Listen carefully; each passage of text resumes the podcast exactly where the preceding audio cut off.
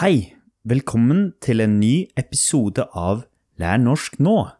I denne episoden skal vi snakke om viktigheten av kildekritikk i det moderne samfunnet vi lever i. Før vi begynner, vil jeg bare minne dere på at dere kan finne teksten til episoden på nettstedet til podkasten. Dere finner en link i deskripsjonen under. Takk.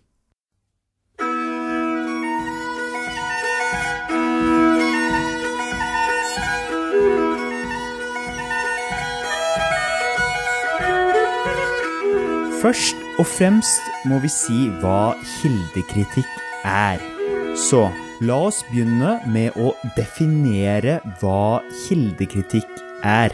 Kildekritikk vil si å vurdere hvor troverdig en kilde er. Troverdig betyr om man kan stole på kilden eller ikke. Kilden kan være alt fra en tekst, f.eks. en avisartikkel, en podkast-episode, en tale Altså veldig mye forskjellig. Kildekritikk kan man bruke til å vurdere hvor troverdig noe eller noen er. Det er viktig å være kritisk til alt som prøver å gi oss informasjon. I samfunnet vi lever i nå i dag, er det så mye informasjon overalt. På internett finnes det veldig mye informasjon. Man kan finne ut så utrolig mye om alt mulig. Problemet er at mye av denne informasjonen rett og slett ikke stemmer. Vi drukner i fake news. Altså, det er helt utrolig mye falske nyheter på nettet og rundt oss. Dette gjør det ekstra viktig med god kildekritikk for å beskytte oss selv og andre mot falsk informasjon. Det er svært viktig med kildekritikk i vårt digitale samfunn. Da er det ekstra skummelt at det er mange som ikke helt vet hva god kildekritikk innebærer.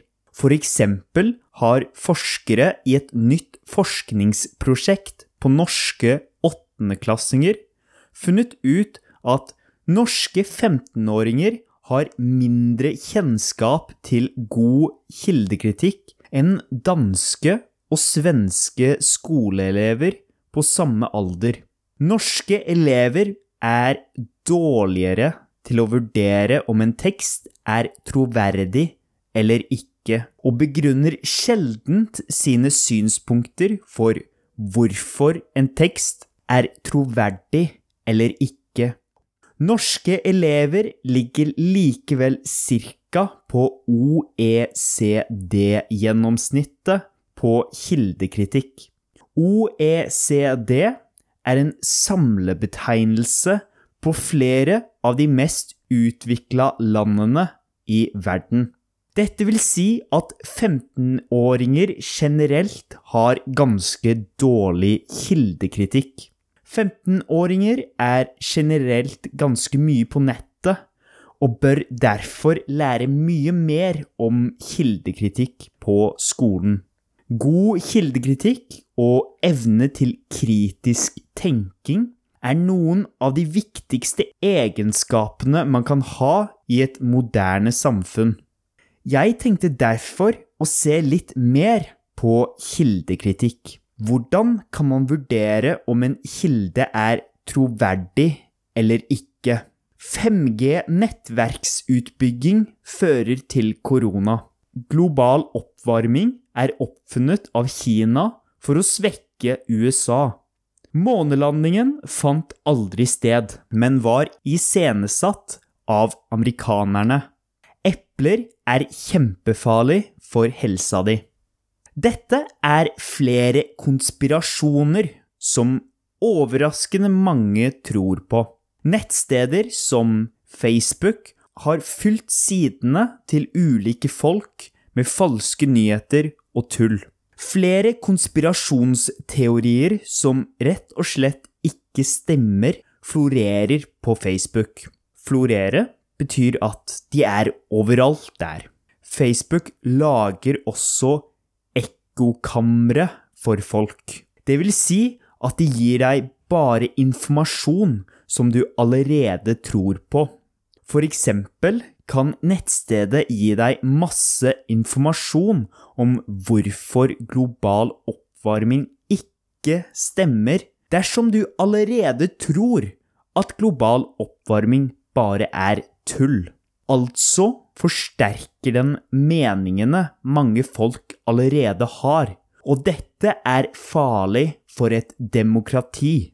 Vi må tåre å utfordre våre egne meninger. Her er kildekritikk svært viktig. Så la oss se litt mer på hva god kildekritikk er. Forfatter. Det første man bør spørre seg selv, er hvem som står bak teksten. Hvem er det som har skrevet teksten? Eller hvilken organisasjon er det som står bak teksten? Her bør man prøve å finne ut bakgrunnen til personen. Hva jobber han eller hun som? Hvilken utdannelse har han eller hun? Hva slags personlige faktorer kan spille inn på det han eller hun skriver? Har personen egne interesser i det han eller hun skriver. Eieren av Statoil, et av de største oljeselskapene i verden, vil nok skrive litt annerledes om oljeutvinning enn lederen for WWF, en internasjonal organisasjon for naturvern. Kanskje eieren av Statoil skriver en tekst der han fokuserer på de økonomiske sidene av oljeutvinning, at det er en kilde til velferd og rikdom for Norge som gjør at vi har det så godt. Likevel skriver han lite om de negative sidene oljeutvinning har. Olje er en av de største kildene til menneskelig CO2-utslipp, og er en direkte kilde til global oppvarming. Eieren av Statoil har altså en klar egeninteresse i det han skriver. Det kan godt være at det han skriver, stemmer. Olje har skapt rikdom i Norge, og gjør at landet vårt er et av de rikeste i verden. Kildekritikk handler likevel også om hva en person utelater i tekster. Hva sier teksten, og hva sier ikke teksten noe om? Dersom man skriver en tekst om oljeutvinning og positive sider ved det, er det også viktig å ta med seg negative sider med oljeutvinning. Så sentrale spørsmål man må spørre seg, er hvem har skrevet teksten jeg leser? For eksempel vil vi anta at lederen av Statoil kan en del om oljeutvinning, ettersom han leder ett av de største oljefirmaene i verden. Vi vil derfor anta at det han skriver om oljeutvinning, stemmer med vitenskapen, selv om vi også må sjekke dette. Og han har klare egeninteresser i det han skriver. Dette må vi også ta med. Hva er perspektivet til forfatteren? Skriver han eller hun en tekst som er veldig positiv til oljeutvinning? Da er dette helt klart et perspektiv på saken. Lederen for WWF vil nok ha et helt annet perspektiv. Når blei teksten skrevet? I dag vet vi langt mer om global oppvarming enn på 1970-tallet. Global oppvarming ble først virkelig introdusert for allmennheten, altså for folk flest, på 1990-tallet. Dersom en tekst blei skrevet på 1970-tallet, er det derfor lite sannsynlig at forfatteren nevner global oppvarming dersom han eller hun skriver om oljeutvinning. Hvor blei teksten skrevet? Hvor forfatteren kommer fra, eller hvor teksten blei skrevet, kan påvirke hva som står der. En senator i USA, i en stat som Alaska, som har mye olje, vil kanskje skrive litt annerledes om olje enn en person fra Tyskland, som ikke har sterke oljetradisjoner. Hvorfor blei teksten skrevet? Dersom lederen for Statoil har skrevet en tekst som er veldig positiv til oljeutvinning, vil kanskje lederen for en miljøorganisasjon skrive en tekst som kritiserer Statoil-lederens mangel på fokus på negative miljømessige sider ved oljeutvinning. Dette vil helt klart påvirke WWF-lederen skriver om oljeutvinning. Og det er viktig at vi vet dette dersom vi skal lese teksten i et kritisk lys, altså utøve god kildekritikk. Og til slutt, kanskje det viktigste, er teksten til å stole på? Hvorfor, eller hvorfor ikke? Hva sier forskning om oljeutvinning? Hva er de positive sidene ved oljeutvinning? Hvilke negative sider er det med oljeutvinning? Stemmer informasjonen?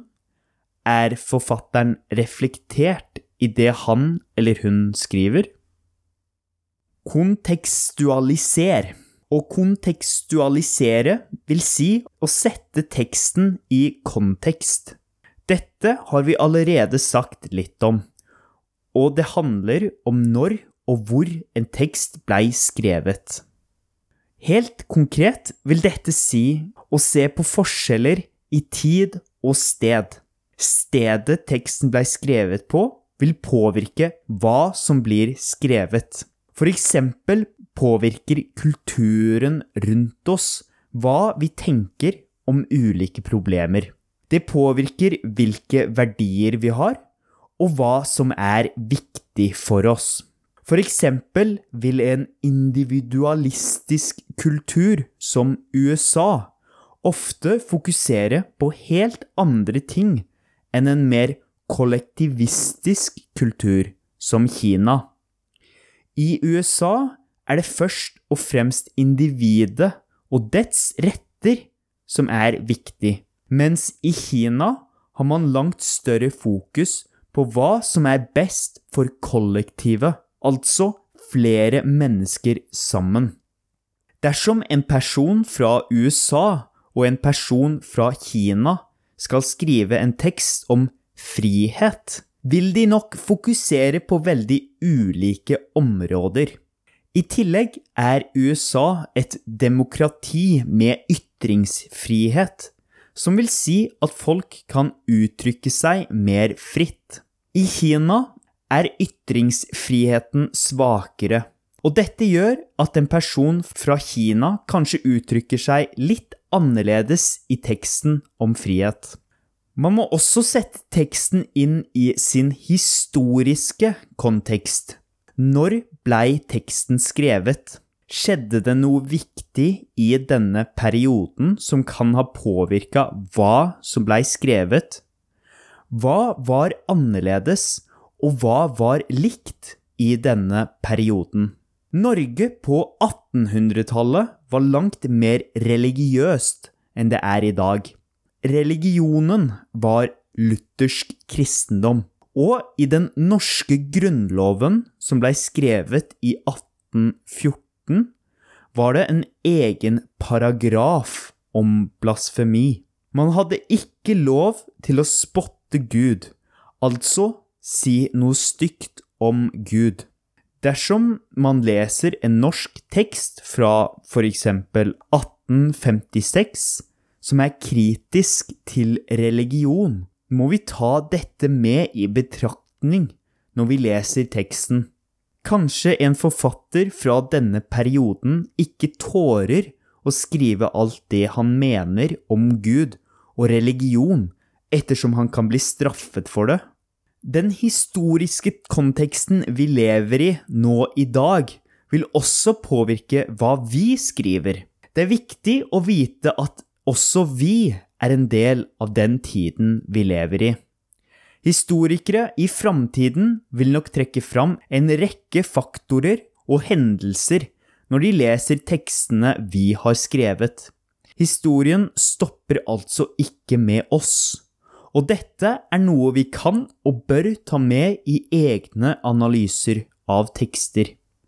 En person som skriver om viktigheten av smittevern i en sykdomsepidemi i 2019, vil nok ha et ganske annet perspektiv enn en som skriver i 2020 etter koronaepidemien.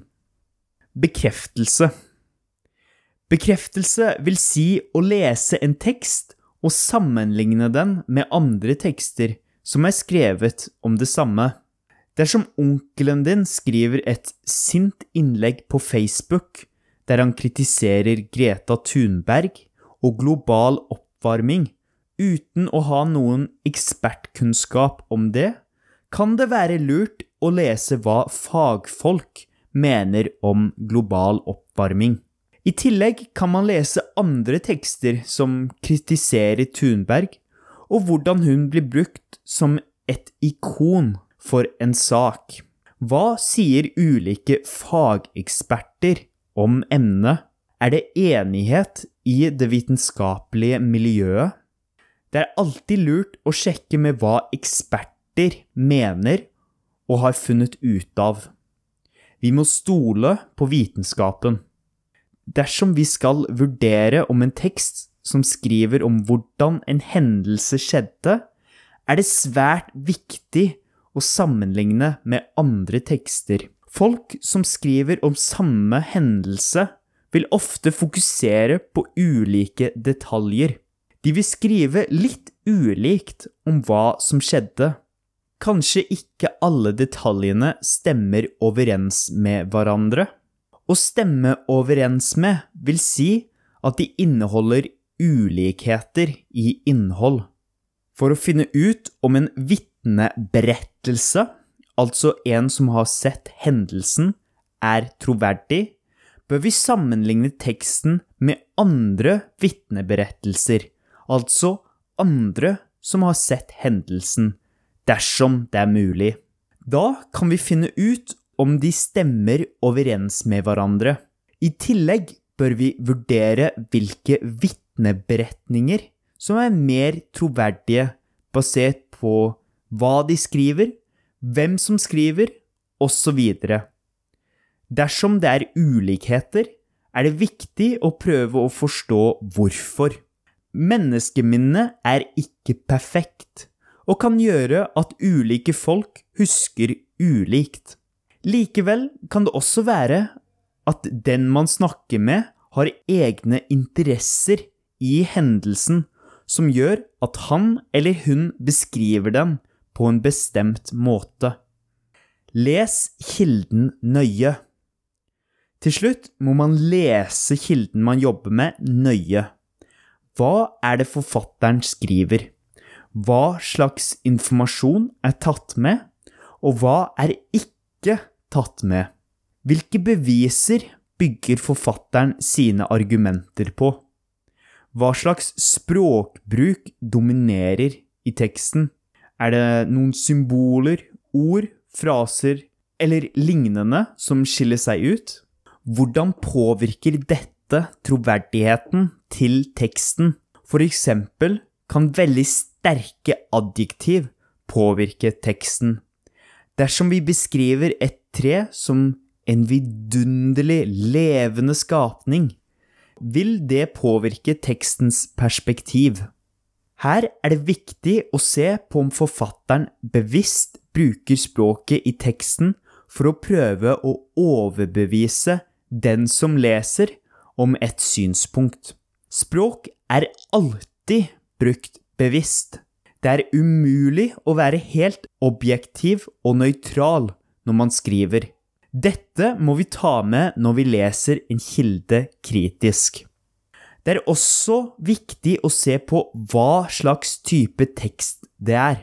Er det fra en lærebok? Er det en nyhetsartikkel? Er det en vitenskapelig, akademisk artikkel? Er det en blogg? Hva slags tekst det er, vil påvirke hva som blir skrevet, og hvordan det blir skrevet. En vitenskapelig, akademisk artikkel vil også bli sjekket av andre eksperter på temaet før den blir publisert, noe som gjør den mer troverdig. Et blogginnlegg kan derimot alle skrive. Da er det ekstra viktig å være kildekritisk. Avslutning Kildekritikk er svært viktig for å sjekke om en tekst er troverdig eller ikke. For at vi skal sjekke informasjon, er det viktig å vite hvor den kommer fra, og hvem som er bak. For at et moderne samfunn skal fungere, er det helt nødvendig at folk klarer å skille dårlig fra god informasjon. Kildekritikk bør derfor bli en integrert del av alle fagene på skolen. Det er viktig å være kildekritisk uansett hva det omhandler.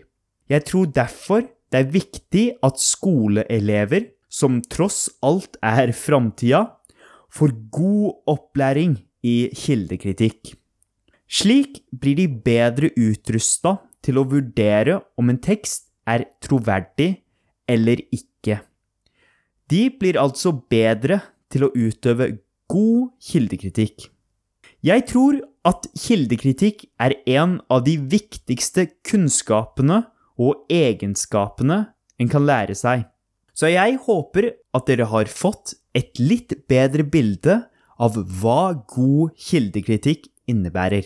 Dersom dere har noen spørsmål eller ønsker å ta kontakt med meg, kan dere sende meg en e-post til laernorsknaa Dere finner e-postadressen i deskripsjonen under. Så håper jeg dere får en riktig god dag videre. Ha det bra!